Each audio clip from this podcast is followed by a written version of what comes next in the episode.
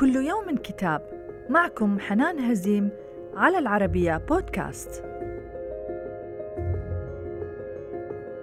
نتناول اليوم كتاب سيرة ذاتية وشهادة للتاريخ للمعارض السوري المعروف رياض سيف.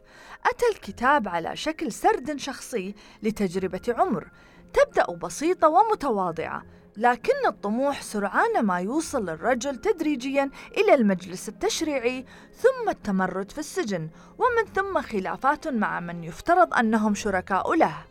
إنها حياة مليئة بالأحداث. تبدأ من تسعينيات القرن الماضي حتى السنوات الأولى من القرن الحادي والعشرين. فيها كشف عن مفاسد النظام وخباياه.